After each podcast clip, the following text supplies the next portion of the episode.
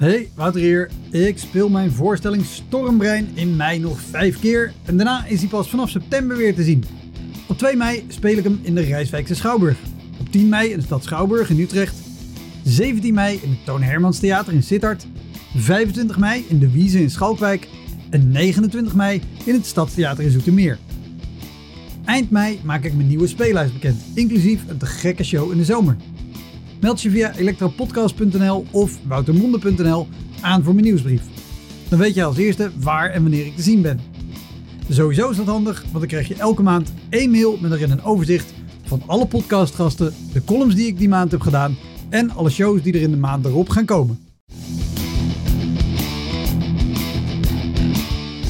Welkom, mijn naam is Wouter Monde. Dit is de Elektra Podcast. Een podcast waarin ik met collega's herinneringen ophaal aan shows die ze liever waren vergeten. Genoemd naar het roemruchte jongerencentrum Elektra in Sliedrecht, dat ooit bekend stond als de comedy hell.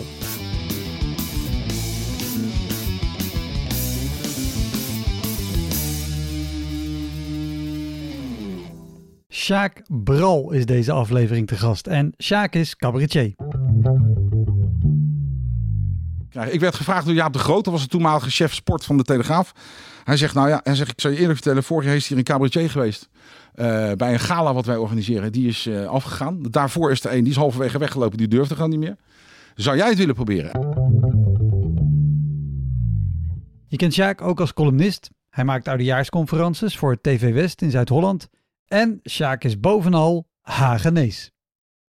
De opname met Sjaak deed ik live op de meest iconische plek waar ik hem maar op kon nemen. Elektra in Sliedrecht. De plek waar deze podcast naar vernoemd is. Heel veel plezier. Dit is vanuit Elektra, de Elektra podcast met Sjaak Bral.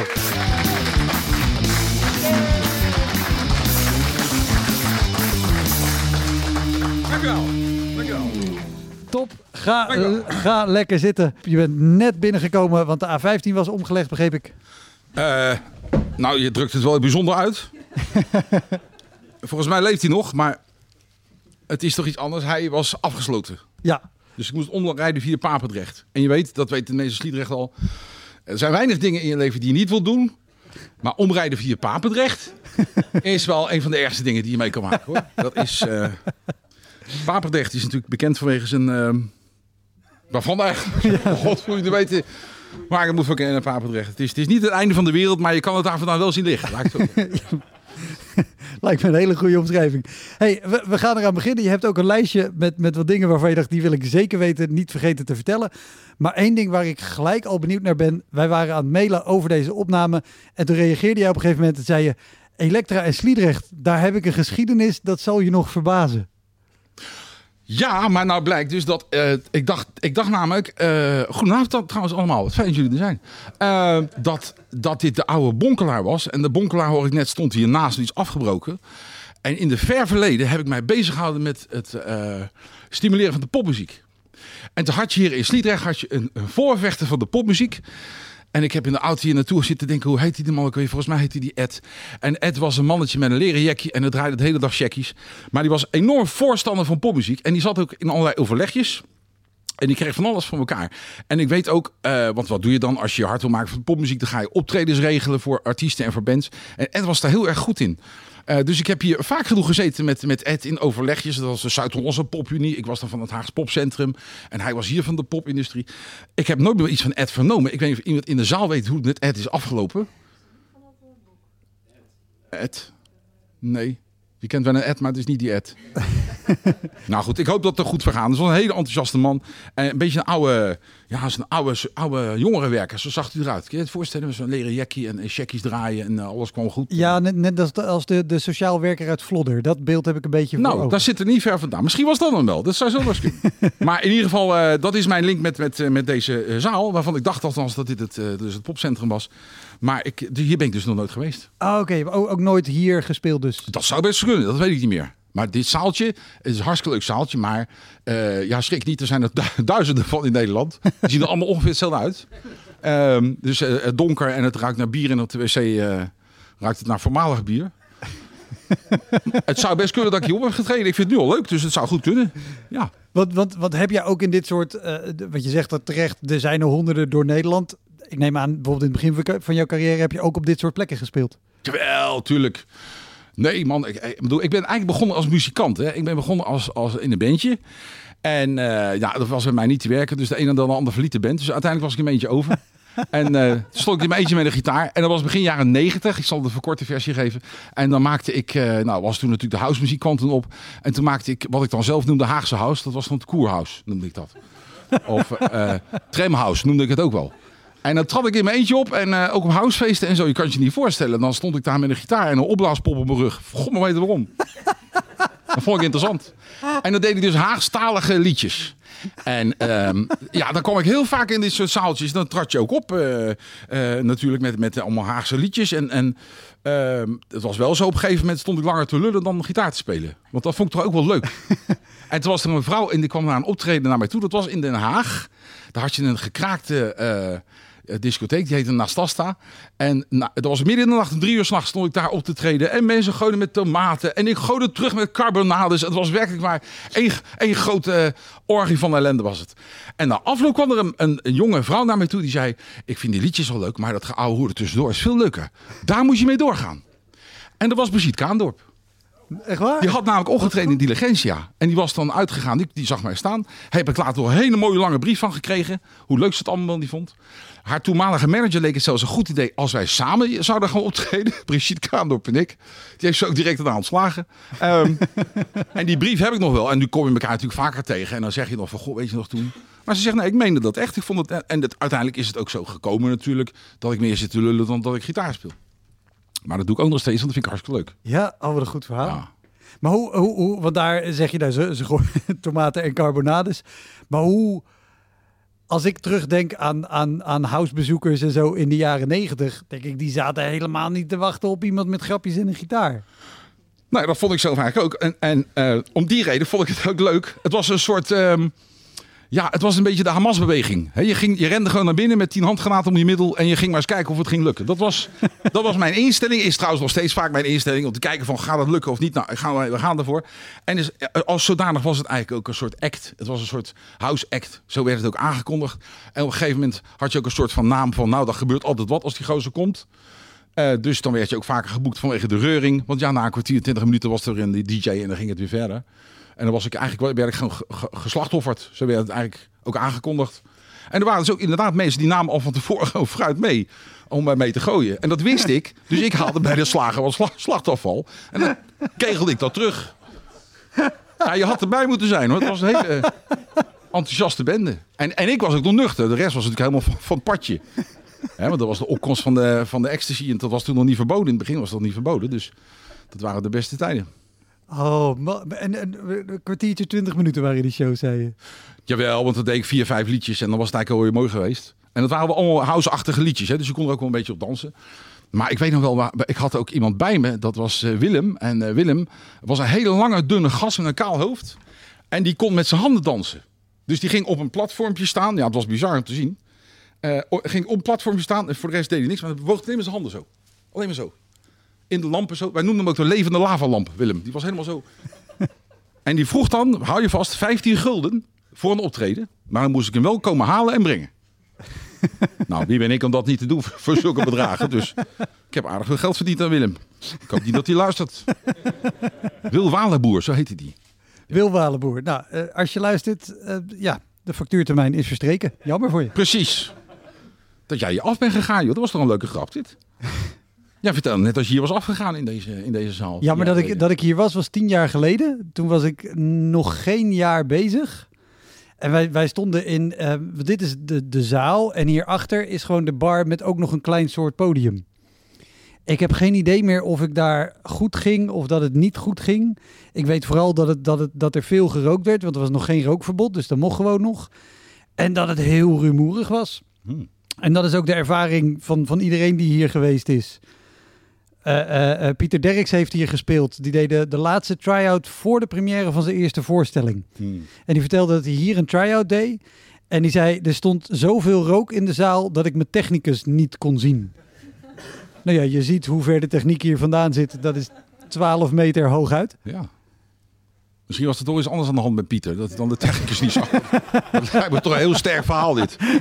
Maar goed, het is altijd, weet je, de allereerste op- optredens. Ik zeg het hier, ook, ook een jongerencentra. Ook met de stand-up comedy deden we natuurlijk in het begin. Eh, vooral de jongerencentra en, eh, en de kroegen. Ja, dat was ook altijd een beetje de guerrilla eh, van nou, we gaan maar eens kijken of het wat wordt. In het begin was dat natuurlijk toch ook echt, eh, nu is het allemaal wat gevestigder. Maar we- voor ons, jongen, ik heb shows gedaan. Ik heb nog op radiators gestaan. Dus zij waar is het podium? Zeiden ze, ja daar. En dan stond je op een radiator bij het raam. Hadden ze een plank opgelegd. Dat was het podium. Ik heb achter de bar gestaan, naast de barman, die stond bier te tappen. Dan stond ik met de microfoon achter de bar zo. Ja, dat waren gouden tijden, zou ik maar zeggen. En later kom je dan in de kleine theaters terecht. We hebben nog steeds wel een circuit van kleine theaters. Vestzaktheaters noemen we dat. Die had je vroeger in de buurt ook wel wat meer. Dat is allemaal wat minder geworden. En daar ging je dan als eerste dan zeg maar je cabaretvoorstellingen uitproberen. En ja, als het gaat over dingen die misgingen. Ik zal me no- nooit vergeten dat ik mijn allereerste echte cabaretvoorstelling deed. Met een voorstelling die heette Dat had je vroeger niet.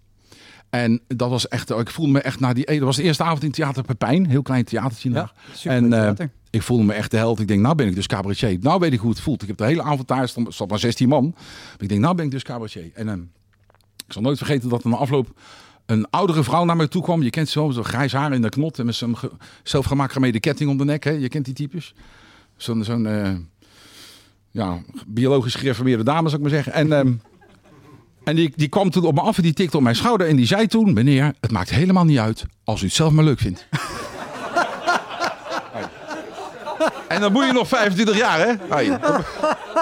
Mensen zeggen de raarste dingen na afloop van een optreden. Mijn zus vindt u heel leuk. Wat vond je er zelf van? Ik wat zijn dat voor uitspraken? Maar goed, eh, Wouter, had je ook nog vragen of niet? Anders dan zit ik alleen maar... Zijn die nodig?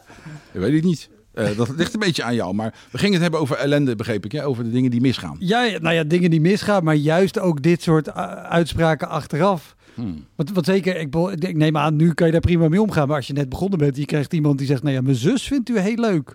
Of dus, wat, Ja, wat- dan blokkeer je even. Dan heb je even kortsluiting op je printplaat. Dan je, precies, wat- wat, zeg je terug als iemand zegt, als u het zelf maar leuk vindt?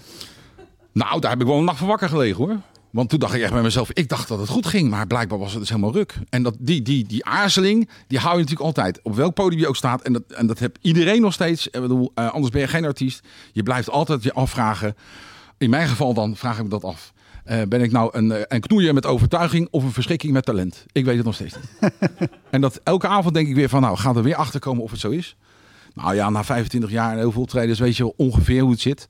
Maar je blijft altijd wel gespannen, hè, de adrenaline. Ja, ja, ja. ja. En dat is goed. Dat is goed. Er is niks mis mee. Kijk, het moet niet angst worden. Als het angst wordt. eh, Kijk, zo'n publiek, dat, eh, deze mensen zien allemaal heel schattig uit met die ko- koptelefoontjes. Maar het is net een troep wolven. Hè? Als, als, ze, als ze ruiken dat jij, eh, dat jij kwetsbaar bent, dat je, dat je zelf angstig bent, nou, dan komen ze achter je aan. Wordt nooit meer wat. Er zit, er zit een onzichtbaar touwtje tussen het publiek en mij. En we trekken allebei aan dat touwtje. Dat is elke avond zo. Daarom maakt het elke avond ook weer anders. En eh, ja, dat, is, dat maakt het ook spannend. Maar je moet natuurlijk niet eh, daar gaan staan en denken van... nou, ik weet het ook niet, dus ik doe maar wat. Dat, dat, als je dat doet, dan gaat het altijd fout. En, en is dat ook iets wat, wat makkelijker wordt naarmate je langer speelt? Om dat touwtje zelf onder controle Eh, houden? jawel, maar eh, de, eh, de, de spanning van een voorstelling en het plezier van een voorstelling zit er ook juist in dat je met het publiek op zoek gaat naar welke weg gaan we bewandelen en waar komen we dan uit. En als we in een doodlopende straat terechtkomen, wat natuurlijk ook wel eens gebeurt, dan moet je zo snel mogelijk weer terugkomen om te zorgen dat die voorstelling weer verder loopt. Ja, het, ik, ik vind dat nog steeds het leukste wat er is om te proberen of, of je dan toen met het publiek net iets verder kan komen dan je van plan was. Ja, Hè, dat heeft te maken met je grapdichtheid of met de eh, manier waarop je ze eh, met elkaar die avond maakt. Maar ja, ik vind het leuk om zo stil te krijgen met een mooi liedje of zo. Dat is ook weer eens wat anders. Dus er blijft altijd genoeg te ontdekken op zo'n podium. absoluut. En heb, heb je ook wel gehad dat je denkt, nou oké, weet je, we- we- er komt een stilpunt, we gaan een doodlopende straat en ik moet zorgen dat we er weer uitkomen en dat je er niet uit bent kunnen komen? Mm, nou, kijk, als je, als, je, als je op podium staat en een grap werkt niet, dan heb je natuurlijk wel altijd in je achterzak een paar zinnen waarmee je dan eigenlijk weer probeert de boel weer aan de gang te krijgen. Dus als ik nou een grap had gemaakt die niet aansloeg, dan zei ik bijvoorbeeld: eh, De crematie van deze grap is aanstaande maandag om tien uur s ochtends. nou, hoor je, dan gaan mensen door een beetje lachen. En dan kan je op, Ja. op, dat- op dat lachje kan je weer verder. Ja, Dat ja, is dan een beetje wat, er- wat er dan gebeurt. Maar ik heb ben wel eens. Ik kan me herinneren dat we in. eh ach, dat was in, in eh, Zwolle, meen ik. Eh, of die andere plaats die erbij ligt. Kampen. Nee, het was Kampen natuurlijk. Het was Kampen. Dat ik daar een keer in de kleedkamer met de comedians van tevoren eh, hadden, we, een- een- hadden we een grappige situatie. En toen zei iemand, dat durf jij niet te zeggen. Dat durf jij niet te zeggen. Ik zei, nou, ik ga het wel zeggen. Kijken wat er gebeurt. Ja, je wilt toch het publiek eh, verrassen.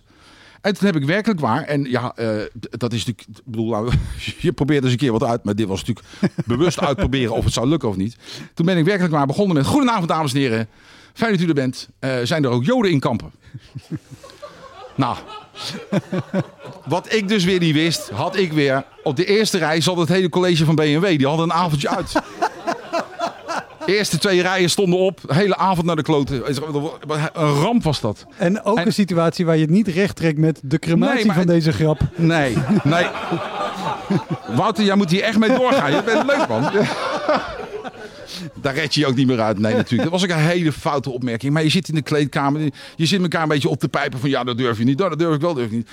En ik moet je wel zeggen, ik was toen ook geen act. Ik was, heel vaak was ik de MC, dus de, de Master of Ceremony. Ja, dus ik was de spreekstalmeester. Ik presenteerde zo'n avond. Dan kon ik me ook iets meer permitteren, want ik was niet een act. Alleen die avond ging dat echt volkomen mis. Oh, en, en, en, en dit was de opening van de avond. Ja, daarom zeg ik, de eerste twee rijen stonden op. Dat, waren, dat was in, in Kampen. Nou, ik weet, weet wat daar gebeurt, maar dat is zo religieus als ik weet niet wat. Dus die stonden op, die zeiden van, dit vinden we niet leuk.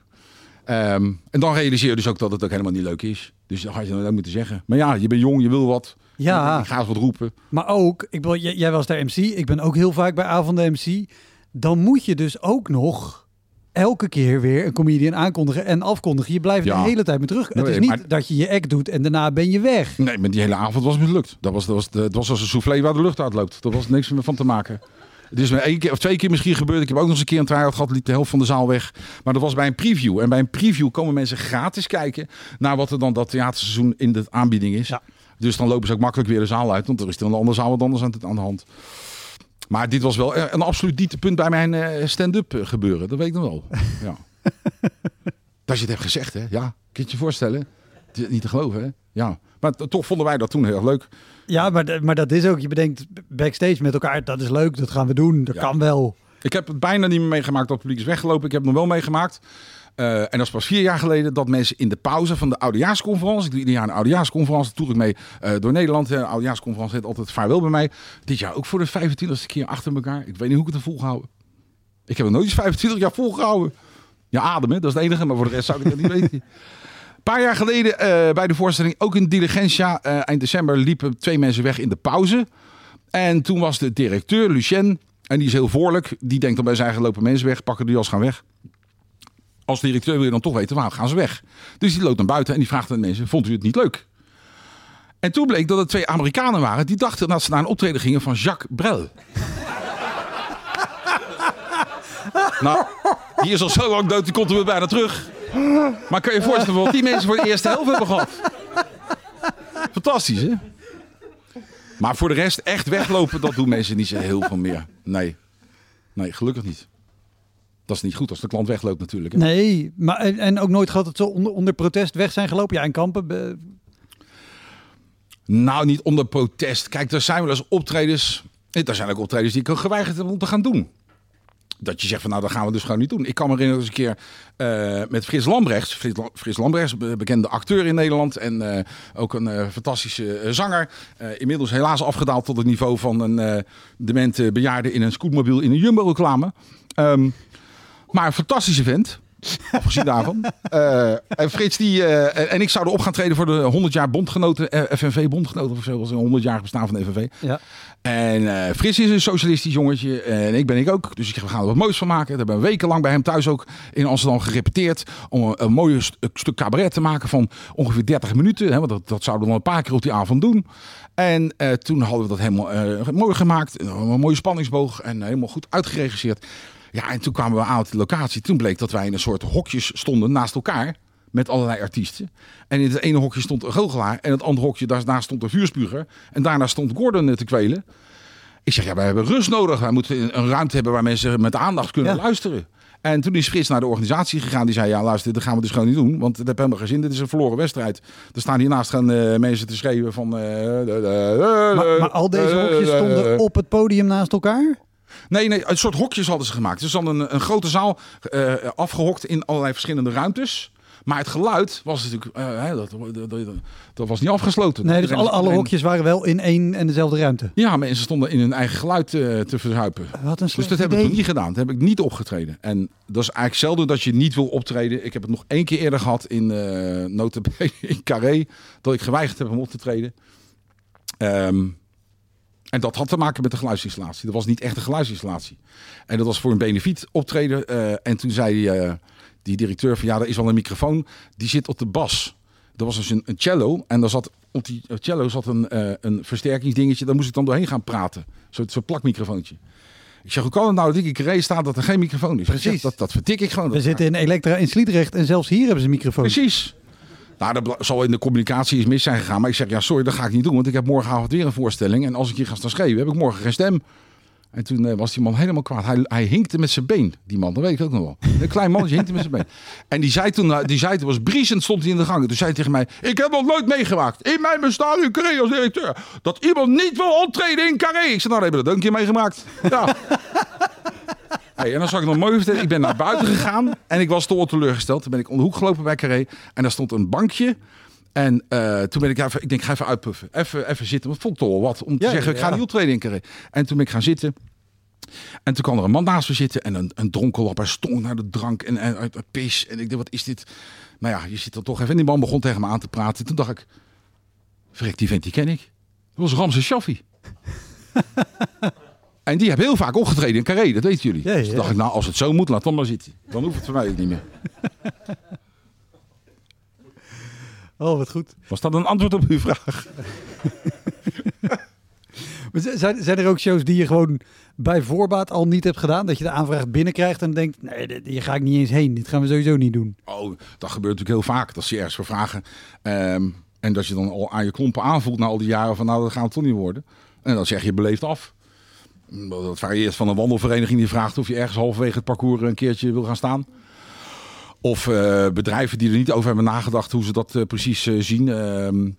Ik heb jouw podcast met Tom Slichting beluisterd. Ik heb veel met Tom vroeger opgetreden. En eh, met, eh, met Guido ook eh, geluisterd, die podcast. En Guido zei iets wat ik ook al jaren roep. Van een bitterbal kan je het niet winnen. Dus als er eten is, dan moet je niet optreden. Dat is, dat is dodelijk. Nee. Ehm, en een bitterbal is altijd lekkerder dan optreden. Zeker om vijf uur 's middags. Hè, met mensen een bedrijfsklus is altijd aan het eind van de middag ga je optreden voor die mensen om een congres af te sluiten. Iedereen heeft honger. En dan komt er een bitterbal langs. Nou, dan ben je verloren. Dus dat, dat weiger ik ook altijd. Dus zeg ik, als de, als de, kijk, drank wil ik nog wel eens naar kijken van of dat mogelijk is. Want jullie weten, hoe meer, hoe meer jullie drinken, des, des te leuker ik word. Ehm, maar eten ben ik allergisch voor. Dus of tussen de gangen door bij een diner, een gala diner of zo, dat kan er wel. Maar niet tijdens het eten, dat is, dat is dodelijk. En, en is dit een gevalletje eh, door schade en schande wijs geworden? Mhm. Natuurlijk, want als je, als je ziet dat er bitter- bitterballen rondgaan. En bitterballen zijn levensgevaarlijk. Echt, het is het, het gevaarlijkste voedsel wat er is. Trouwens, ik heb het ook al een keer meegemaakt. Ja, we hebben het er nou over. Het schiet ineens bij me op. Een paar jaar geleden, ik zal de naam niet noemen van de artiest. eh, dat ik een optreden deed in, ehm, eh, in het Circus Theater. 2000 man, helemaal vol. En dat was voor een bedrijf ook. En eh daar hadden ze dan een artiest voor de pauze. En, daarna gingen ze dan in de pauze lekker met z'n alle borrelen. En die, die, die, dat bedrijf had al zijn beste klanten uitgenodigd. Dus het was een, die avond moest alles goed gaan. En er traden allerlei artiesten op. En, en deze artiest zou dan drie liedjes zingen. En dan was het eh, vijf over negen. En dan gingen ze aan de bol. En dan kwam het in het tweede deel van het programma. Ehm, maar het ging zo lekker dat zij dacht bij zichzelf... Nou weet je wat ik doe? Ik doe nog een liedje extra. En dat was eigenlijk was dat al een liedje te veel. Maar eh ze had het op een bandje staan, al die dingen. Dus zei ze, nou doe er nog maar één. Dus deze vijf liedjes. En ik presenteerde die avond, dus ik stond in de coulissen. Ik denk, god, kap er nou mee, doe dat nou niet. nou, wat gebeurt er vervolgens? Het publiek is na vijf liedjes, hebben ze het ook wel gehoord. Dus de sfeer in de zaal was al een beetje van, nou, dat was eigenlijk iets te veel. Dan komt het publiek de zaal uit. En dan staat er dus een cateraar die volgens het draaiboek om zeven minuten over negen 2000 bitterballen klaar had moeten hebben. En 2000 biertjes of andere drankjes. Die staat daar dus met die handel om, om tien voor half tien. Alles is koud. Bier is doodgeslagen. Dus wat krijg je? De klant is ontevreden. Het publiek is ontevreden. Die, die, die cateraar die baalt onze stekker, want die staat er met koude bitterballen. Wij noemen dat in de, in de comedy don't go past the post office. Oftewel, als je een brief post, dan loop je ook niet door. Dan ga je terug naar huis. Dus je hebt gewoon je punt gemaakt en dan moet je wegwezen. Ja. En dat, dat had deze artiest, nog als ik noem de naam niet, maar voor enige Eh, financiën ben ik wel bereid ernaar te noemen hoor. Ehm, ja, ik heb ook een slecht jaar gehad. Eh, maar dat moet, je dus, dat moet je dus niet hebben. En dat, ja, ik vind dat altijd lastig. Je bent dienst, die avond gaat niet om jou. Die avond draait, draait om de, wat die mensen daar aan beleving hebben. Er zit een heel pakket aan vast. Jij bent een klein onderdeeltje erin. Ja, ja, ja. En ja, dan moet je niet alle aandacht naar jezelf toetrekken. Wat, dat heb ik ook wat, wel geleerd. wat, wat, wat, want hier was je presentator en ging iemand anders de fout in. Wat, is- wat is de meest rampzalige bedrijfsgigs die je zelf hebt gedaan?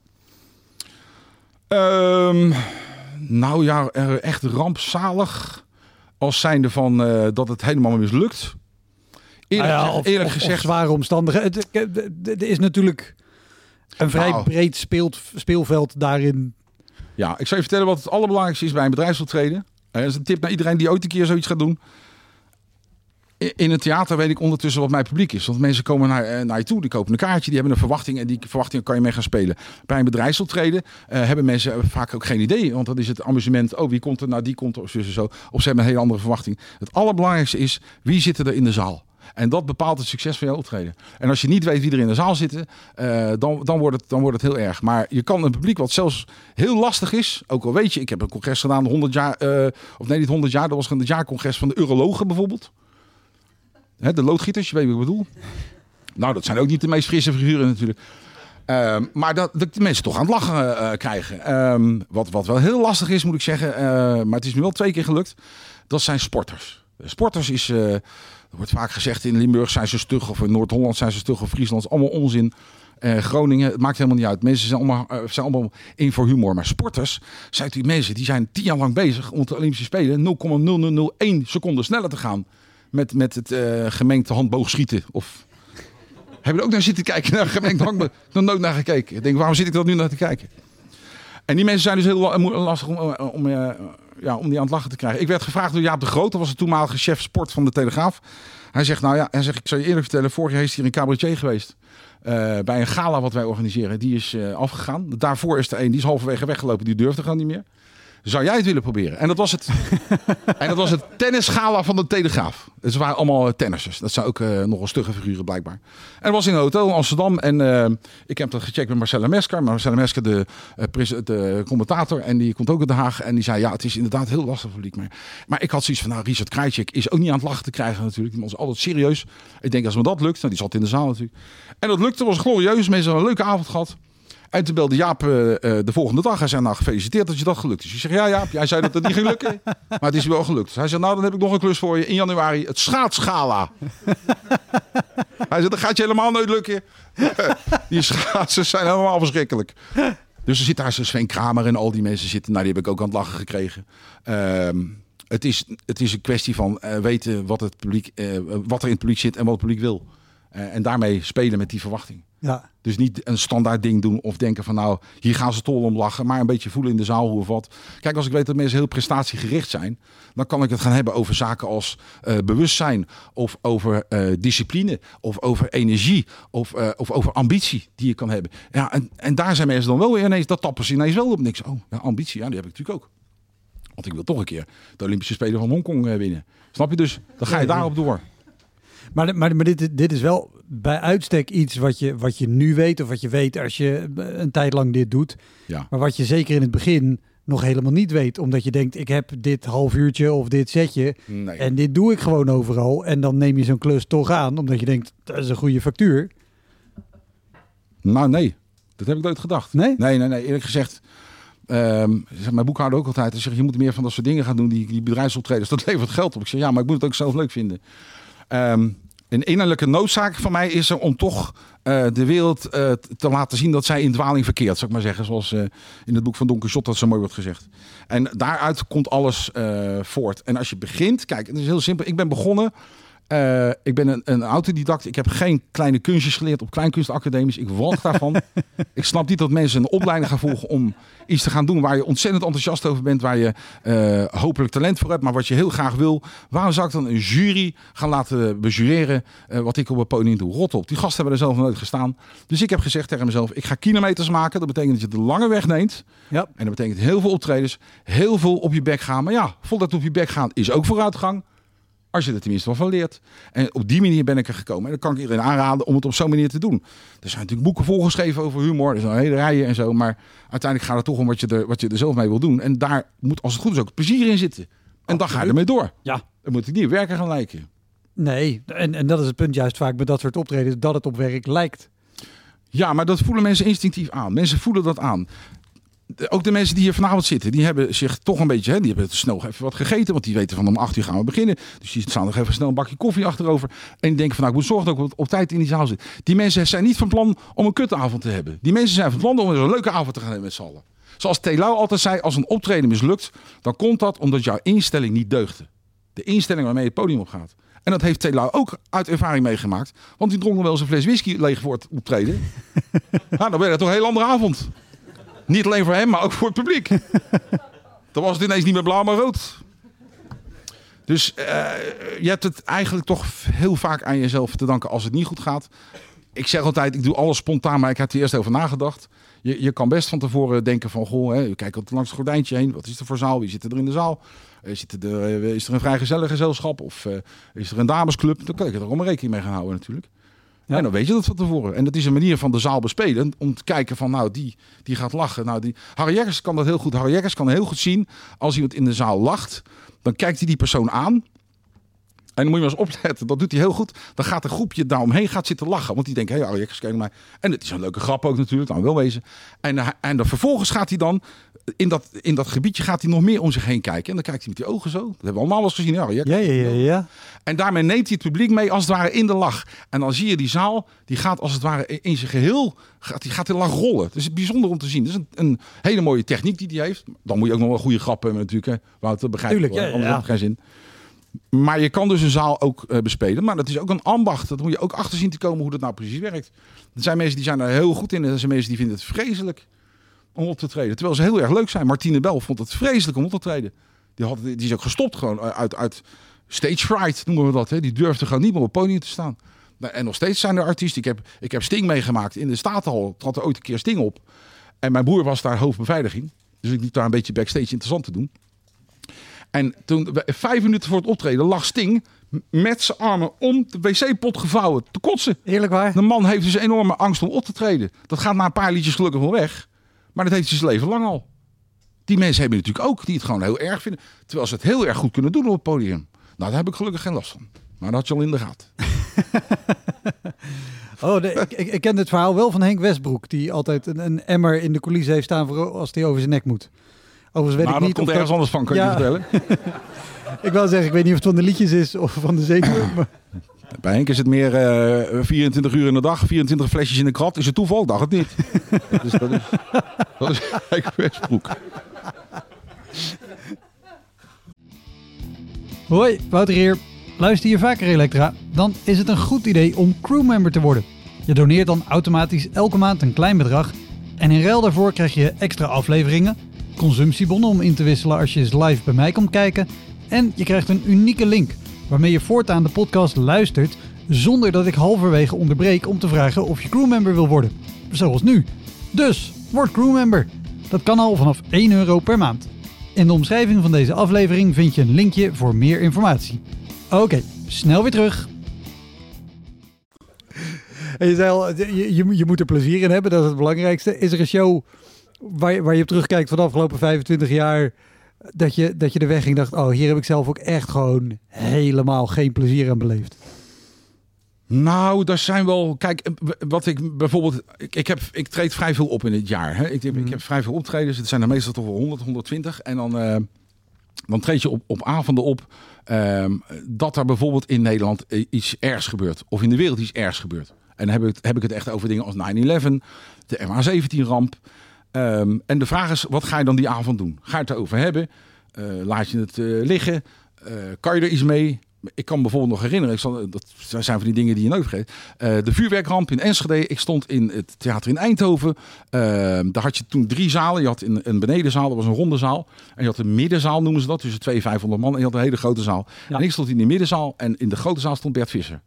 En we kwamen aan in het theater. Toen was natuurlijk net de boel ontploft. Het was op een zaterdag, weet ik nog goed. Het was in de zomer. Begin van de zomer. En toen, eh, toen stonden we elkaar echt zo aan te kijken van wat gaan we hier nou mee doen. Want to- toen was het echt, was van nou, er is een ramp gebeurd en er is iets verschrikkelijks gebeurd. Ja, en Bert zei, ja, Bert had natuurlijk gewoon een show die hij altijd speelt. Want Bert is een eh, jongen die ook wel improviseert, maar binnen zijn eigen voorstelling. Ik moet het vaak van de actualiteit hebben. Ja, hij zei, ik ga gewoon optreden, ik ga het er niet over hebben. En ik had zoiets van, ja, ik ga ook optreden, maar ik ga het in ieder geval benoemen. Ja, eh, je, het hangt in de lucht natuurlijk. Je kan dat niet laten hangen. Je En zeker bij wat jij doet, als het zo over de actualiteit gaat, kan Ja. je het niet niet Ja. benoemen. Klopt. Alleen op dat moment was het nog heel onduidelijk hoeveel slachtoffers er waren, wat er nou precies gebeurd was. Ja, er was een vuurwerkramp, er was een fabriek ontploft. Ehm, was het 6 mei? Ja. Of- ja, 6 mei was het. 6 mei eh, 2002 geloof ik, Pim Fortuyn, de moord op Pim Fortuyn. Eh, ik stond in het kruispunt in Barendrecht, een previewavond weer. Samen met een paar jongens, Frank van Pamelen eh, was erbij. De Aston Brothers waren erbij, ik was erbij. En ik zat met de directeur te eten. Vijf over zes kreeg een telefoontje, Pim Fortuyn is vermoord. Wat ga je dan doen die avond? Gaan we door of gaan we niet door? Nou, de helft zei van, nou, ik ga niet meer optreden. Ik vind het zo verschrikkelijk. En ik zei, samen met de Aston Brothers trouwens... eh, luister, als het publiek komt, dan gaan we optreden. Want blijkbaar heeft, mensen, heeft men dan toch behoefte Dan om op te treden. Ja. Eh, of om te kijken naar amusement. En de zaal zat vol. En we hebben inderdaad, samen met de Aston Brothers, hebben wij nog opgetreden. Maar de rest niet. Zo zal je altijd wel iets meemaken. Dus je denkt van ja, hmm, ja nou, ik probeer het altijd wel te En, benoemen. en, en hoe, hoe gaat zo'n avond dan als je het wel benoemt? Want je legt dan ook wel gewoon een heel zwaar ding in de zaal neer. Hmm. Je moet het natuurlijk niet neerleggen, je moet er wel wat mee doen. Ik kan wel zeggen, oh, wat erg hè, van de vuurwerkramp. Verschrikkelijk vuurwerkramp. Enfin, ik stond vorige week bij de supermarkt. Nee, dat gaat niet. nee, dat gaat Nee, nee, nee, nee. Mijn ervaring is, ook weer een tip voor eh, de beginnende dan wel de gevorderde cabaretier. Mijn tip is, als het iets heel ergs is, als het echt, zoals nu met Peter de Vries van leuk, als het echt heel erg is, ehm, kan de zaal het hebben als je het persoonlijk maakt. Oftewel, de MH17-ramp. Daar kan ik me niet voorstellen dat je daar iets grappigs over kan vertellen. Maar je kan het wel benoemen en je kan het persoonlijk maken. Ik was op het moment die ramp van de MH17, eh zat ik in Canada. En ik zat, eh, eh, het was daar ochtend, toen werd duidelijk dat, wat er gebeurd was. Ehm, en ik zou naar orka's gaan kijken. Dus ik zat in een rubberen bootje. En was ik op weg om orka's te gaan bekijken. Als je mensen meeneemt in zo'n persoonlijk verhaal van goh, en toen kwam ik terug op de camping en toen eh, stond daar een vrouw te huilen. Want die had mijn nummerplaat gezien. Van, eh, of, ehm, nee, dat is niet waar. We hadden een, een camper gehuurd toen. Mijn eh, toenmalige vriendin, die heb, ik heb altijd wel een vriendin. ehm, die had met die vrouw staan praten inderdaad. En die vertelde dus, zij kwam uit de Oekraïne, die vrouw. En die stond te huilen. Die zei, ik vond het zo erg voor jullie. Ik vind het zo erg dat wij dat hebben gedaan. Alsof zij het gedaan had. Hè? Kijk, met zo'n verhaal benoem je het wel. Ja, maak er ja. geen grap over. Maar we, hebben- we hebben het er wel even over gehad. Want dat het erg is en dat het verschrikkelijk is, dat hoef ik niet te zeggen. Dat weet iedereen al. En pas als er veel tijd overheen gegaan is. Want nu kom ik dan bij het eind van het jaar. Want dat gebeurde natuurlijk in juli was dat. Eind van het jaar bij de oudejaarsconferentie. Dan is er tijd overheen gegaan. En dat is ook weer zo'n mooie wijsheid. Maar het is echt waar. Afstand schept inzicht. Pas na een langere tijd, als er, als er een tijd overheen gaat, dan kan je er toch om lachen. Als we iemand eh, verliezen in ons midden, eh, hè, uit de familie of wat dan ook, het is allemaal verschrikkelijk. Dan wordt misschien wel eens een grapje gemaakt bij de, bij de uitvaart. Maar pas als het voorbij is een tijdje, eh, dan, dan kan je er eens een keer echt een keer toch om lachen om zo iemand. Nou, dat was in dit geval dus ook zo. Eind van het jaar kon ik nog niet echt lachen om die ramp. Maar we konden het wel op een of andere manier verwerken. En vreemd genoeg, de aanleiding weet ik niet meer, kwam ik toen op een medley terecht van liedjes van André Rieu. En toen had ik in die medley had ik allemaal eh, de bekende Strauss-melodieën, maar dan eh, met allemaal liedjes over iemand die was overleden. En dat was voor de pauze. Eh, en en het, is ongelooflijk, maar het publiek ging, ging walsend de zaal uit. En dan had je dus toch iets van die ramp gemaakt. En dat waren echt wel eh, behoorlijk stevige teksten. Dusdanig dat ik André Rieu nog gesproken heb daarna. Want die, die belde, dat was op televisie, belde die op. En oh. ik pleurde hoorn op. Ik denk, wat is dat voor idioot? En ehm, toen belde even later belde zijn zoon terug. Hij zei, ja, met, eh, dat was mijn vader. Dat Limburgse accent. Hij vond het erg leuk, was mooi gedaan. En die kijkt nu ieder jaar, kijkt hij op 1 januari, wordt de oudejaarsconferentie herhaald op TV West. En zitten ze met de hele familie zitten te kijken naar die oudejaarsconferentie. En altijd belt hij weer op, wat was leuk hoor. was het met z'n allen?" Als je ziet, zou je niet denken dat hij zo praat, maar dat is echt waar. Hè? Dus je probeert toch met de dingen die niet... Kijk, daar is humor ook voor bedoeld. Om om te gaan met de dingen in het leven die nou eigenlijk niet zo heel erg leuk zijn. Daarom hebben we humor gekregen. Hè, er zijn een paar dingen waarin we ons onderscheiden van andere dieren. Eh, we hebben een schuldgevoel. Er zijn heel veel... Ik bedoel, er een dier geweest met schuldgevoel. Het is geen leeuw die denkt van... Nou, dat hertje laat maar lopen. Vind je zo zielig? dat hebben we niet. Nee. Ten tweede zijn we ons bewust van onze eigen sterfelijkheid. Wij weten dat we doodgaan. Een, een, een eendagsvlieg, een, eendagsvlieg weet dat niet. Gelukkig maar. En ten derde zijn we het enige geweest op deze planeet met humor. En die hebben we gekregen om om te kunnen gaan met de dingen die niet zo prettig zijn in het leven. Het is toch een beetje de pleister op de wonden. Ja, daar, ja. daar is humor voor bedoeld. Nou ja, de- de- deze hele podcast is gebouwd om het idee... je werkt naar iets toe, maar je maakt verschrikkelijke dingen mee... en daar lach je later om. ja. Dit En is hoe ook... erg het ook is, je mag er toch om lachen. Het was, het was ehm, eh, Max Terrieur, be- beroemde oude moppetapper. Hè. Max Terrieur maakte altijd moppen over Sam en Moos, Joodse, Joodse humorist. En eh, die, die zei dat er zelfs in de, in de concentratiekampen hadden, eh, hadden ze gelachen. En toen zei hij dat er werd gelachen, want het was lachen om niet te huilen. Dus het was een overlevingsmechanisme. Ja, En dat hadden ze gewoon grappen. Dan zeiden ze gewoon tegen elkaar: zie je, zie je die eh, bewaker daar achter dat prikkeldraad? Zie je dat? Dat was zielig. Hè? Als ze dachten prikkeldraad. Is dat zielig dan? Zie je dat? dat is fantastisch. Als je het zo kan zien, hè? Als je het zo kan omdraaien. Dat is mooi. geweldig. Hey, je, hebt, je hebt een A4'tje met allerlei aantekeningen. Nou, ik, je had gezegd de dingen die misgaan. En toen, ja, dan moet ik echt een selectie maken. Anders had ik heel boekwerk mee kunnen nemen. Ehm, maar goed, eh, ja, er zijn een paar dingen waarvan ik dacht van... God, is misschien wel leuk om het, om het eh, over te hebben. Oh, ik zie hier staan Lowlands. Ook zo'n optreden dat je bij... De, dat is ook weer zo'n moment. Dan sta je dus op Lowlands. In zo'n, in, dat was de Alpha Bravo tent, weet ik het. Ja, en dat moet je groot, muziekfestival, allerlei tenten, Ja. enorm ding. En, en Lowlands is dan een, een, festival waar iedereen echt vo- volledig uit zijn pan flipt. Men slaapt op de camping, men eh, zuipt overal, eh, men, men pist overal, men poept overal. Het is e- één grote varkenstal. En zo'n tent is dat ook. Dus dat moet je je voorstellen, je komt dan op en, en je ziet eigenlijk een, een kolkende mensenmassa. Een één grote vriemelende vleessalade, dat is het eigenlijk. en die moet je dan zien te veroveren. Hè? Dan moet je, dan moet je en ik dacht, ik moet die mensen erbij betrekken. Hè, in die zaal is allemaal jonge lui. Iedereen is helemaal van in de malorum. Ik denk, hoe krijg ik ze nou zo gek? Dus ehm, ik, ging, ik stond op het podium en, eh, en er stond er een otter voor dat podium. En die wilde wat zeggen. Ik denk, nou, dat is mooi. Dan heb je een connectie met het publiek. Hè. Hij is eigenlijk, moet je ook onthouden als je hier staat op het podium. En iemand zegt iets in het publiek. eh, het is niet als iemand die zegt de bedoeling om gelijk af te bekken. Want degene die dat zegt, wordt door de rest van de zaal gezien. Al, het is één entiteit dit. Het zijn allemaal individuen, maar het is één entiteit. Iedereen zegt, nou, dat is, die is, dat is een van ons. Ook al kennen we die man helemaal niet. Ja, ik zit aan jou te wijzen, gozer, maar het is niet... Dus je aangesproken hoeft te voelen. Maar, ehm, dus wat je tegen, tegen hem zegt, zeg je ook tegen de zaal. Ja. En de zaal zal, zal zich altijd tegen je keren als je iets, eh, iets naars zegt. Zonder dat daar een reden voor is althans. Precies. Ik kan duizend nare dingen zeggen, maar dan moet hij eerst iets zeggen... waardoor ik een reden heb om iets naars terug te zeggen. Maar goed, ik dacht bij Lowlands, moet je je voorstellen... duizend man, wat is het, 1500 man in zijn tent. En je denkt bij jezelf, nou weet je wat ik ga doen? Ik ga die mensen eh, een leuke avond bezorgen, of een leuke middag.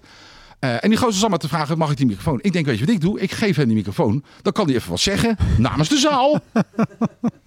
en daarna kan ik lekker door. Nou, die microfoon heb ik nooit meer teruggezien. Die, die het snoertje had ik nog. Hij is er vandoor gegaan met die microfoon. En die heeft hij waarschijnlijk nu ergens in, in, in, in waar, de fucking, waar, waar die woont, de Stadskanaal, heeft hij dat ingelijst. Van, ah, dit is een microfoon. Die heb ik gejat op Lowlands. Was dat niet je oude handdanser die dacht, nou dan maak ik het nog een beetje goed, eh, die slechte betaling. Nou, nee. nee dat, was, had wel gekund trouwens. Maar je moet zeker bij Lowlands opletten. Dat was, dat was ook trouwens ook zo mooi. Eh Freek de Jonge had toen een hit met een liedje dat heette Na de Dood. Is er leven na de dood. En die had met een biersponsor voor elkaar gekregen. Dat hij 2000 sambaballen had hij gekregen met de naam van die bierbrouwer erop. En die werden uitgedeeld in het publiek. Want zo direct zou Freek de Jonge op gaan treden met eh, Is er leven na de dood. Nou, die kwam ook op om op te treden. Maar die kreeg dus gewoon 2000 van die dingen naar zijn hoofd gegooid. Nou, toepasselijk liedje, maar eh, een echt succes werd het niet. Altijd heel erg opletten, echt. Het is... eh, publiek is natuurlijk eh, ja, het is een, levend organisme. Is, en in het theater is dat gelukkig eh, wat minder. Maar bij dat, dat soort optredens moet je echt eh, ja, moet je, moet je vlammen, moet je, moet je knallen. Als je, als je dat niet doet, dan heb je wel een, ja, dan heb je wel een probleem, moet ik zeggen. Ja, maar sowieso, wat, wat, wat gebeurde er in je hoofd dat je dacht het is een goed idee om die jongen de microfoon te geven? Want dat is toch een redelijk gouden regel dat je nooit je microfoon afgeeft. Ja, dat weet je, sinds die dag weet ik dat ook. Ervaring is een heel raar iets. Ervaring is iets wat je meestal krijgt vlak nadat je het nodig had. en dan, was je echt het geval. Ik denk, oh ja, had ik beter die kunnen doen. Kijk, er zijn wel dingen... Ik, ik, wat ik bijvoorbeeld ook een keer heb gedaan... Ik heb het daarna nooit meer gedaan. Ik, ehm, kijk, het gebruik van eh geestverruimende, eh, dan wel verstandsverbredende middelen. Dat is eh, voor mij een no-go. Ik vind de realiteit brengt mij op een hoger bewustzijnsniveau. Ik sta gewoon heel snel op, s ochtends. En dan heb ik al een soort high. Dan denk ik, ah, gaan we weer met z'n allen. Eh, maar er zijn natuurlijk mensen die het wel nodig hebben. Ik heb daar wel schrijnende voorbeelden van gezien. eh, van mensen die toch echt wel te veel moesten drinken voordat ze het podium opgingen. En dat kwam vaak omdat mensen dan een paar whiskietjes namen en dan ging het goed. En dan dachten ze, nou, als ik een paar whiskies, dan ben ik een beetje, voel me wel goed. Maar dan ging het een keer niet goed. En dan was het niet van, nou, misschien moet ik minder whisky drinken. Nee, dan was het van, ik heb niet genoeg whisky gedronken. Dus er werd weer meer gedronken. Nou, er zijn een paar jongens heb ik echt linksaf zien gaan eh, door dat soort eh, dingen. En zelf heb ik ooit een keer, eh, was ook een stand-up optreden, in het Werftheater in, in Utrecht. opgetreden met John Feely. En John Feely was een Engelse komiek. Hele goede komiek. Ik denk dat je op YouTube nog wel filmpjes kan vinden van John Feely. Sowieso, als ik jullie zeg, John Feely is de man van Put It In Your Zaakje. Ja. Dan weten jullie allemaal wie John Albert Feely Heijn zakje, inderdaad. Eh, en John eh, had de gewoonte om voor het optreden altijd te blowen. Dat Ja. vond hij eh, een normale zaak. En hij, hij woonde ook in Amsterdam en hij vond het hartstikke leuk. Maar dat was natuurlijk allemaal van die genetisch gemanipuleerde wiet die hij bij zich had. Maar John was jarig die dag in het Werftheater. En ik zou de- voor de pauze optreden, hij na de pauze. En mijn toenmalige vriendin, want toen had ik ook weer een vriendin.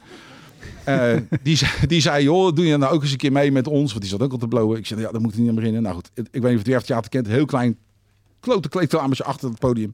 Het is sowieso Dus een, denk, een nou- theater wat regelmatig in deze podcast voorbij komt. Oh. Vooral vanwege het ontbreken van een wc in die kleine Ja, kleedkamer. dat klopt. Terwijl het eigenlijk een soort rioolbuis is waar je in staat. ja, het is echt een soort... Enfin, ik eh blowen en toen, ben ik, eh, toen, ben ik, eh, toen moest ik op. En het meest beangstigende is dat die mensen hebben zich helemaal, helemaal suf gelachen. Ik heb volgens mij het publiek nog nooit zo hard zien lachen.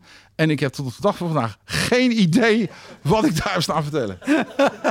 en ik vond dat zo beangstigend. Ik denk, dit ga ik nooit meer doen. Verschrikkelijk. Maar ja, John deed dan na de pauze. Dat was helemaal, die leefde daar gewoon op. Ja, helaas. eh, John is daar eh, helaas een heel goed voorbeeld van hoe dat mis kan gaan. Want Ik heb een paar jaar Ja. geleden ook nog met hem gespeeld. Eh, toen speelden we eh, in Scheveningen, boven op de pier. Had je Oh ja, Tasty Comedy. Comedy. En daar, daar speelde John ook nog een tijd lang. En het was te gek om met hem te werken. Maar je, je kon ruiken wanneer hij eraan kwam, inderdaad. En John was een hele goede komiek. Hij is begonnen samen met Eddie Izzard, natuurlijk een van de grote Engelse eh, komieken. En eh, zijn stijl was ook van, van John. Het is trouwens ook wel leuk om even te vermelden dat zo'n stijl ook eh, ergens vandaan komt. John ging eigenlijk daar staan en dan begon hij eerst een beetje raar te doen, een beetje ouwe hoeren over dingen waar je denk, van denkt, waar gaat het over? Hij, het lijkt wel alsof hij gebloot heeft, dat had hij dan ook. Maar daarna begon hij dan zijn verhaal. Dat was eigenlijk wat hij met Eddie Izzard ook vroeger deed. Die jongens zijn op straat begonnen. Dat waren ja. straatartiesten. Dus dan ga je, wat ze dan noemen, parade maken. Je gaat proberen het publiek te trekken. En als je in de stijl van Eddie Izzard, als je dat ziet, al die opnames van hem, als hij begint met het optreden, dat de eerste vijf minuten gaan helemaal nergens over. Staat hij te frummelen met die microfoon. En dan staat hij, ja, ja, zo is je. En dat was altijd een manier om aandacht te trekken. En dan begonnen ze pas. En John had dat ook. Een, een, een stijl van optreden is natuurlijk ook iets wat publiek kan eh, plezieren. De manier waarop je daar staat. Ja, absoluut. En eh, hij heeft iets ook als hij er staat, waardoor je gelijk Ja. mee bent. Ja, en eh, dat is natuurlijk ook knap. Alleen daarna moet je natuurlijk wel iets doen. En ik heb eerlijk gezegd heel veel, zeker in die stand-up tijd. eh, Wat dat betreft, het publiek is ook een, een raar iets. Want eh, er waren jongens die stonden dan een kwartier op het podium. En die hadden dan zeg maar tien minuten briljant materiaal. En die laatste paar minuten dan zakte het een beetje in. De laatste grap was niet goed en dan was weg. En dan had je ook gasten die hadden dan 10 minuten helemaal ruk. Er gebeurde helemaal niks. Geen leuke grappen, niks. Maar waren de laatste vijf minuten waren briljant. En dan was het altijd in de pauze om van open afloop. Dan was die tweede jongen was eigenlijk heel goed. Was een goede komiek, hè? Ja, was goed. Terwijl eigenlijk alleen de laatste vijf minuten goed waren. Bij die anderen waren de eerste 10 minuten goed. Dus het laatste wat je doet, onthouden mensen het langst. Ja, Is ook essentieel. absoluut. Dat, dat is En dat moet goed zijn. Zoals David Bowie zei, je bent zo goed als je laatste hit. En dat is het ook. Nou, jij weer. Wat, wat is de, dan, eh, als we het over laatste dingen hebben, de laatste show waar jij op terugkijkt en denkt, oh jezus, dat was een pittige. Ehm, nou ja, eerlijk gezegd eh, is dat nog niet zo lang geleden. Want we hebben natuurlijk eh, de tijd meegemaakt met uh, Coroontje. En in, in, in november en december... Kijk, ik maak een oudejaarsconferentie en normaal doe je dan 50 of 55 voorstellingen. En eh, dat was een hinkstapsprong. Dan mocht het weer wel, dan mocht het weer niet. Dan weer met 30 man. Eh, dus dat was heel moeilijk. Het publiek bleef ook eh, daardoor hangen. Die dacht van ja, wat gaan we nou doen? En nou, mochten 30 man in. Sta je vier keer op een dag op te treden. Dat is ook niet echt eh, bevorderlijk voor je energie. En, en, maar je wil dan toch zoveel mogelijk mensen plezieren. Maar dat was wel heel lastig. Omdat je dan met 30 man krijg je geen lach eh, in een zaal waar je wat mee kan op een podium. En ik heb altijd een oudejaarsconferentie op televisie. Die nemen we op. Uh, dus je wil dat, dat, dat is een mooi, ge, mooi gebakje wat je dan wil laten zien. Mm -hmm. Dat moet niet, niet een hap pudding zijn, dat moet echt een mooi gebakje zijn. En daar werk je dan een hele maand aan om dat zo goed mogelijk te krijgen. Ja, dat is, dat is toen op een andere manier gebeurd. Want op een gegeven moment, begin december, was het duidelijk, uh, het moet allemaal dicht gaan. Ehm, en met 30 man in de zaal, ja, het- de timing is belangrijk. Hè? Als je hier een grap staat te vertellen, is de timing is toch het moment waarop je de volgende grap weer in gaat zetten. En ja, dan zat er daarin te lachen en daarheen. En in het midden zag je er een kijken van, ik snap hem niet. En dat is in een grote zaal is dat niet erg. Maar als er maar een paar mensen zitten, dan eh, nee, je, ziet- ze aan en denk je, ach, jeetje. Dus toen heb ik gezegd, ik ga helemaal niet met publiek optreden. Ik, ik kap ermee. Toen ben ik gaan werken aan een tv-uitzending. En dat heb ik dan gedaan. En dat is hartstikke leuk. Er staat binnenkort bij mij op de website ook van wel 2020. Eh, in de director's cut, dus ook de lange versie. Want we konden niet alles kijken op televisie. Ja, dat vind ik hartstikke leuk om een keer te doen. Maar dat gaan we niet nog een keer doen. Eigenlijk was dat wel het, eh, zwaar. Dat ik dacht van, oeh, dit is toch wel... Want, want eh, je, je speelde je show, maar dan gewoon zonder publiek. Of heb je er echt een andere vorm Eh, van ik gemaakt? heb er een andere vorm van gemaakt. Ik, heb, eh, ik ben door het theater heen gelopen. Ik had, de diligentia was dicht, dus ik kreeg de sleutel. Dus ik ben gewoon in die diligentia allerlei eh, ruimtes in geweest. En ik heb met een strijkplank in de coulissen gestaan. Ik heb allemaal dingen gedaan waarvan je dan denkt... dat is net even wat anders dan mensen van je zouden verwachten op zo'n oudejaarsavond. Natuurlijk wel het materiaal wat je doet over... over hoe heet je die kleine pleurisdwerg, die Greta Thunberg. Had je natuurlijk... of allerlei dingen die bij vorig jaar horen. En, eh, maar ook een persoonlijk verhaal. Hè, hoe ik met eh, corona met mijn ouders natuurlijk eh, om moest gaan. Want die zaten natuurlijk thuis. En dan mocht iemand bij. Want ja, mijn ouders zijn, zijn op leeftijd. Dus die wil je niet besmetten. Dus ze stonden allemaal voor het raam te, te zwaaien en zo. Nou, dat soort dingen nemen we dan ook mee. Maar ik heb natuurlijk liever een zaal waar je eigenlijk mee aan de slag kan. En dat, dat maakt het ook leuk. Ik ben heel bewust gestopt met televisie. Want ik had twintig jaar geleden of zo had ik echt nog wel in de tv terecht gekund. Maar ik vond het gewoon niet leuk. Ik denk, ik ben de hele dag bezig met zijn camera om, een item op te nemen ehm, voor een programma. En als die mensen zitten te zappen, heb ik het ook nog voor niks gedaan. Dan heb ik liever een zaal. En dan rijd ik met veel plezier rijd ik naar Hengelo. Om, eh, om met die zaal, eh, iets dan heb ik een, een, een voor mezelf in ieder geval een, een prettigere avond eh, dan dat je met je hartjes op televisie bent. Ja. Het is, eh, daarnaast is het ook een eh, heel giftig medium, dat weet je. Dus, eh, ik had het net over Frits Lambrechts. Dat, ik zie collega's daar ten onder gaan. Thomas Akda is een reclame. Ik vind het verschrikkelijk. Ik denk, daar heb je dat, daar heb je dat brood niet voor gekozen. Hè?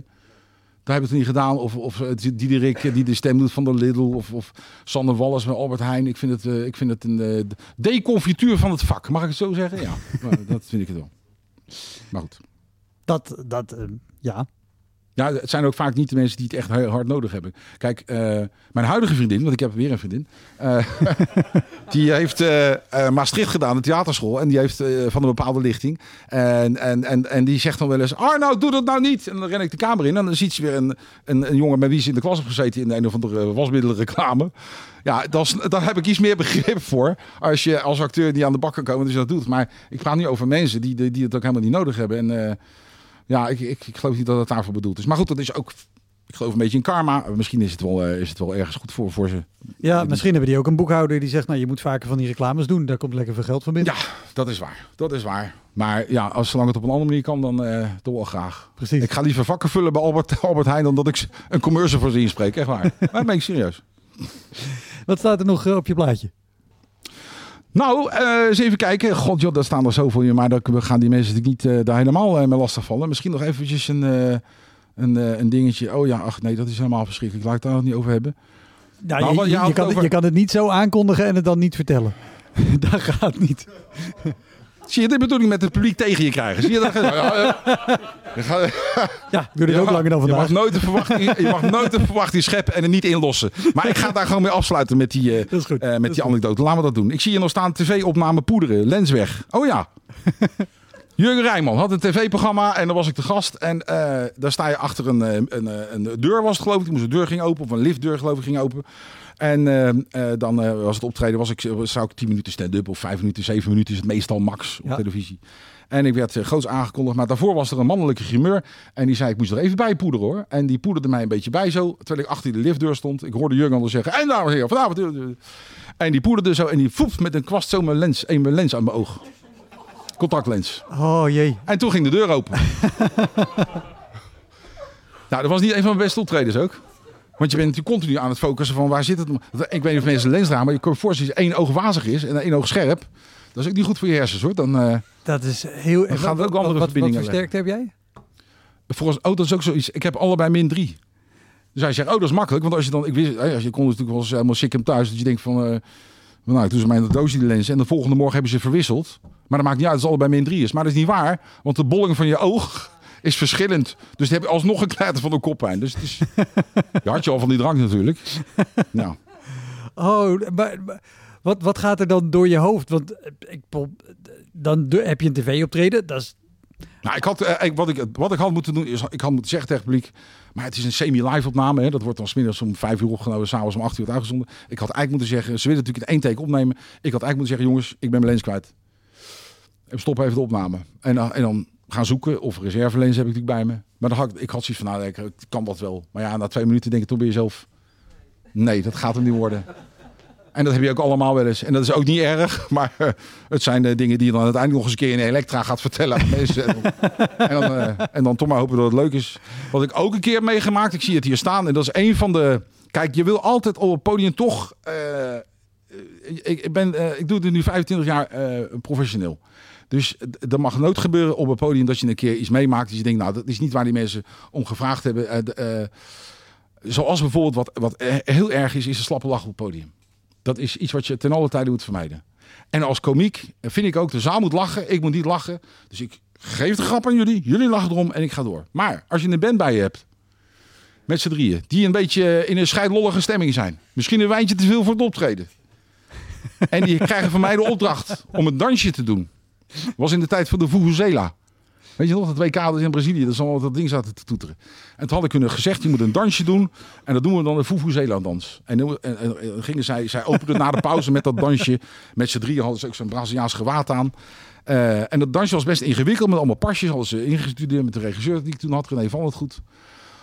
Maar ja, ik zeg het, een wijntje te veel. Of eh, ze, waren, ze hadden al de slappe lach, ik weet het niet. Maar die gasten, het ging helemaal mis. Dat sloeg helemaal nergens op. Het waren natuurlijk ook gewoon muzikanten. Je moet mensen niet iets laten doen wat ze niet kunnen. Muzikanten dansen niet. Precies. Nou, wij noemden dat muzikanten met lampjes. Want ze hadden ook nog veel lampjes op hun hoofd. En in het donker zag dat er nog een beetje leuk uit. Maar op een gegeven moment ging het licht aan. En toen bleek dat ze alle gierend van het lachen op de grond lagen. En toen kreeg ik dus ook de slappe lach. En dan, heb, en dan zie je dus die zaal kijken van... Ja, nou, zo leuk is het ook weer niet.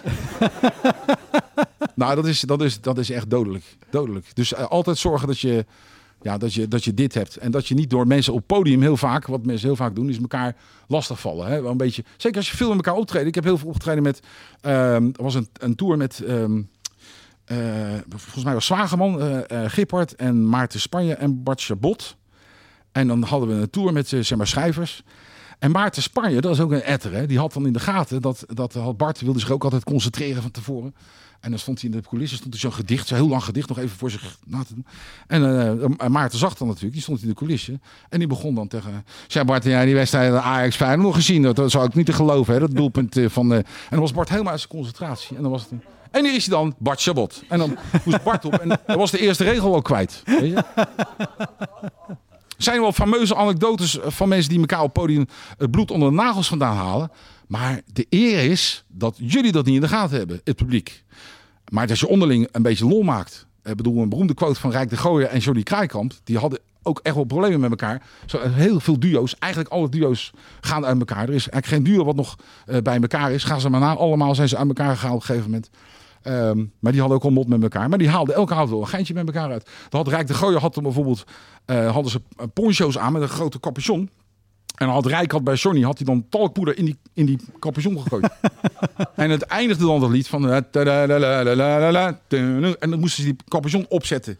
En toen zat Johnny dus helemaal onder de talkpoeder. En het publiek dacht natuurlijk van... Oh, dat hoort erbij, dat is leuk. Maar dat hoorde er helemaal niet bij. en de avond daarna had Johnny Kraaikamp... hadden ze een act met hoge hoeden. Moesten ze zo als een soort vaudeville sterren... moesten ze zo met, met zo'n stokje moesten ze de coulissen... moesten ze een hoge hoed pakken.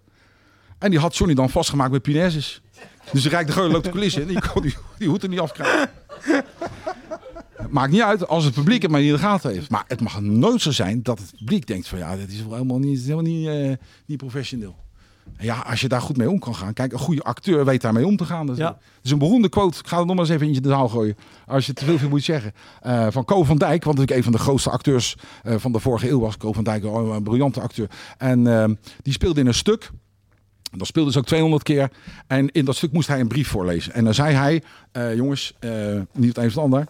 eh, dit is een belangrijke brief. En ik kan die tekst ook wel aan mijn hoofd leren. Maar het is belangrijk, als ik een brief zie, ga ik hem ook als een brief lezen. Dus ik wil graag die tekst op die brief hebben staan. Dus dat gaf iemand, die zei dan, meneer Van Dijk, of hoe die dan in dat stuk heette, er is een brief voor u. En dan maakte hij die brief open en dan las hij zo die brief voor.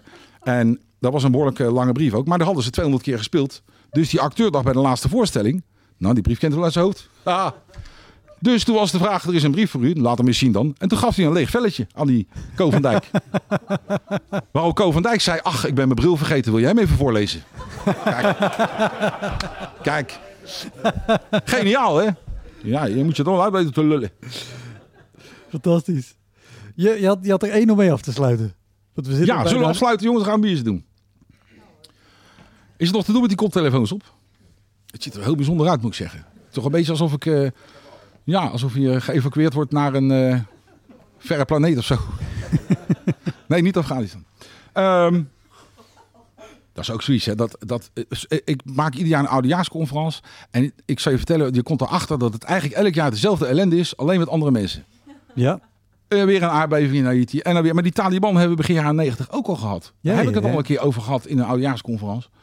Dat die mensen in Afghanistan helemaal in verwarring waren. Dat ze ook niet wisten wat ze moesten in zo'n land. Maar ja, dat ligt hem ook in de naam natuurlijk. Af, ga, niet, staan. Wat moet je nou doen? Weet je?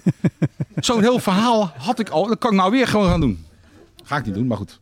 Nou gaan we een stukje terug in de tijd. Ik denk dat het ook zeker wel 25 jaar geleden is eh, dat het volgende eh, gebeurde. Dames en heren, wij traden op in het Comedy Café in Amsterdam, het Max Euweplein. Ehm, daar had je een comedyclub en ik weet, heb jij dat nog gespeeld? Wout? ja, ja, ja. ja. Eh, die is inmiddels eh, verkocht aan het Hard Rock Café door de eigenaar, door eh, Victor. Maar eh, wij traden dan daar eh, avond op. En dat was eigenlijk precies als Toembler, zou ik maar zeggen. Eh, even kort gezegd, Raoul Heertje en Frans Roel. Dat waren twee mensen die de comedy, de stand-up comedy naar Nederland hebben gebracht. Maar die kregen ruzie met elkaar, want iedereen krijgt ruzie met Frans Roel. Ehm, en Raoul is ook niet de makkelijkste, maar toch wel een stuk beter te pruimen.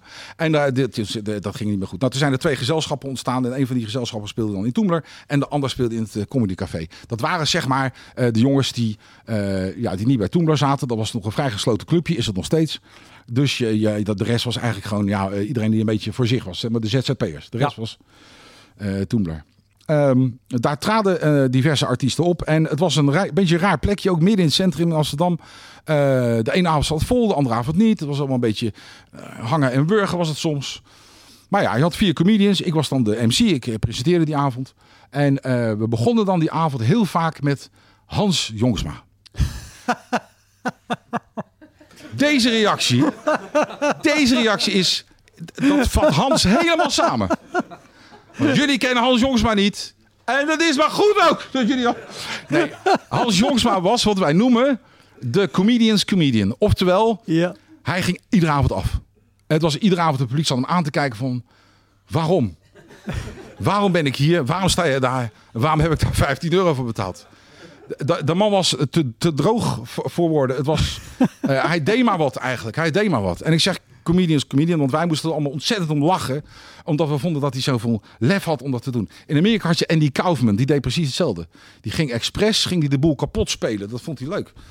Nou, Hans Jongsma kwam dan op om een voorbeeld te geven. eh, en dan had hij een kruk. Dan zette hij een zak meel op. En dan zei hij, ik ben vandaag een beetje melig. Mag, mag ik heel Voel kort... je het? Je voelt je, je, voelt je, je sch- plaatsvervangende schaamte. Zeg het nou zelf, toch? Oh, mijn reactie overigens net is gebaseerd op één optreden wat ik ooit heb gezien van Hans Jongsma. Oh, Eh, waarbij hij opkwam met een zonnebril op, de zaal inkeek, Comedy Café Amsterdam, en zei: Jemig, wat een boel negers vanavond. wederom. Hoor, je dat? Dat is gewoon... Dat, dat- jullie, jullie, het kraakt. Ja. het, het krimpt in je hersenen. Gaan die denken. Nou, zo trad hij dus op. Dus die, hij was dus de eerste comedian. Maar je moet je voorstellen, er zat denk ik... Het was de eerste show. We deden twee shows vanavond. Eh dit was de vroege show. En eh, Hans moest eh, op. Nou, er zat misschien eh 40 man in de, in de zaal. En voor het podium, recht pal voor het podium, zaten vier mannen met flesjes champagne. En niet de goedkoopste champagne. Nee, de allerduurste champagne die je maar kon vinden. Eh, die hadden ze speciaal voor de mannen aan de overkant bij het Holland Casino gehaald. Want zelf hadden ze niet van die dure champagne. Meneer wilde dru- eh, duur- dure champagne. Ik zeg meneer, want er zat er eentje bij met een grote bek. Want wat gebeurde er? Hans Jongsma begint. En deze man had al een paar flessen op natuurlijk. Zei, jongen, dat doe jij me verkeerd op Amsterdam. Ja, dat doe jij me verkeerd. Je moet dit- laat mij het nou. Je moet het zus of zo. Hans kennende zou die die man een beetje weglachen en denken van nou, het zal wel goed wezen. Hans rende van het podium af. Hij wist het niet meer waar hij het moest zoeken. Hij rende letterlijk de deur uit. Ik denk, dat is raar. Dat is gewoon iemand die een grote bek heeft. Nou, ik kom terug op het podium. Ik had dus al eh, warm gemaakt, aangekondigd. En ik zeg, joh, ik weet niet waar jij mee bezig bent. Maar als het zo doorgaat, hebben we een kort avondje. Hij wie denkt, ja, dat je bent je vader, vieze hagenneus. Je hebt een grote bek. Dus ik denk, nou wacht even, dat gaat mij niet gebeuren. En die gasten eromheen, iedereen lachen. Met z'n vieren waren zo. Ehm, ik denk, nou die pak ik terug. Ja, toch? En ja, als je een grote bek hebt, kun je hem terugkrijgen ook. Dus ik maak een paar grappen over het feit dat het Steve van Amsterdammer is. En dat hij een, had een grote neus met een grote neus. Maar als je zit, je zijn neus de keer de post moet openmaken, weet ik het. eh, Allerlei grappen. Toen stond hij op en zei: Ja, ja, gaat eraan. Ja, gaat eraan! en ik zag een andere collega comedian, ik zal niet zeggen wie, ook wegrennen uit de zaak. Ik zag achter de bar, de dame achter de bar duiken. Ik denk, wat krijgen we nou dan, joh? En toen gebeurde het volgende, dat die, zat er een gozer bij die zegt... joh, kom, we gaan naar buiten, joh, dit is het allemaal niet waard. En toen liep hij op, eh, weg en toen zijn ze met z'n vieren opgestaan. En toen zijn ze naar buiten gegaan en ik kon de volgende comedian aankondigen. En toen kwam van het podium af en toen zei die andere comedian tegen mij... Dus, wat heb jij nou gedaan? Weet je wel wie dat was?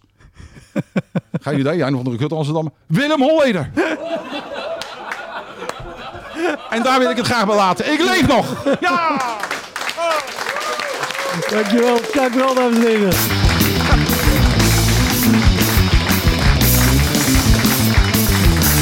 Dankjewel, dankjewel. Ga zo door, ga zo door.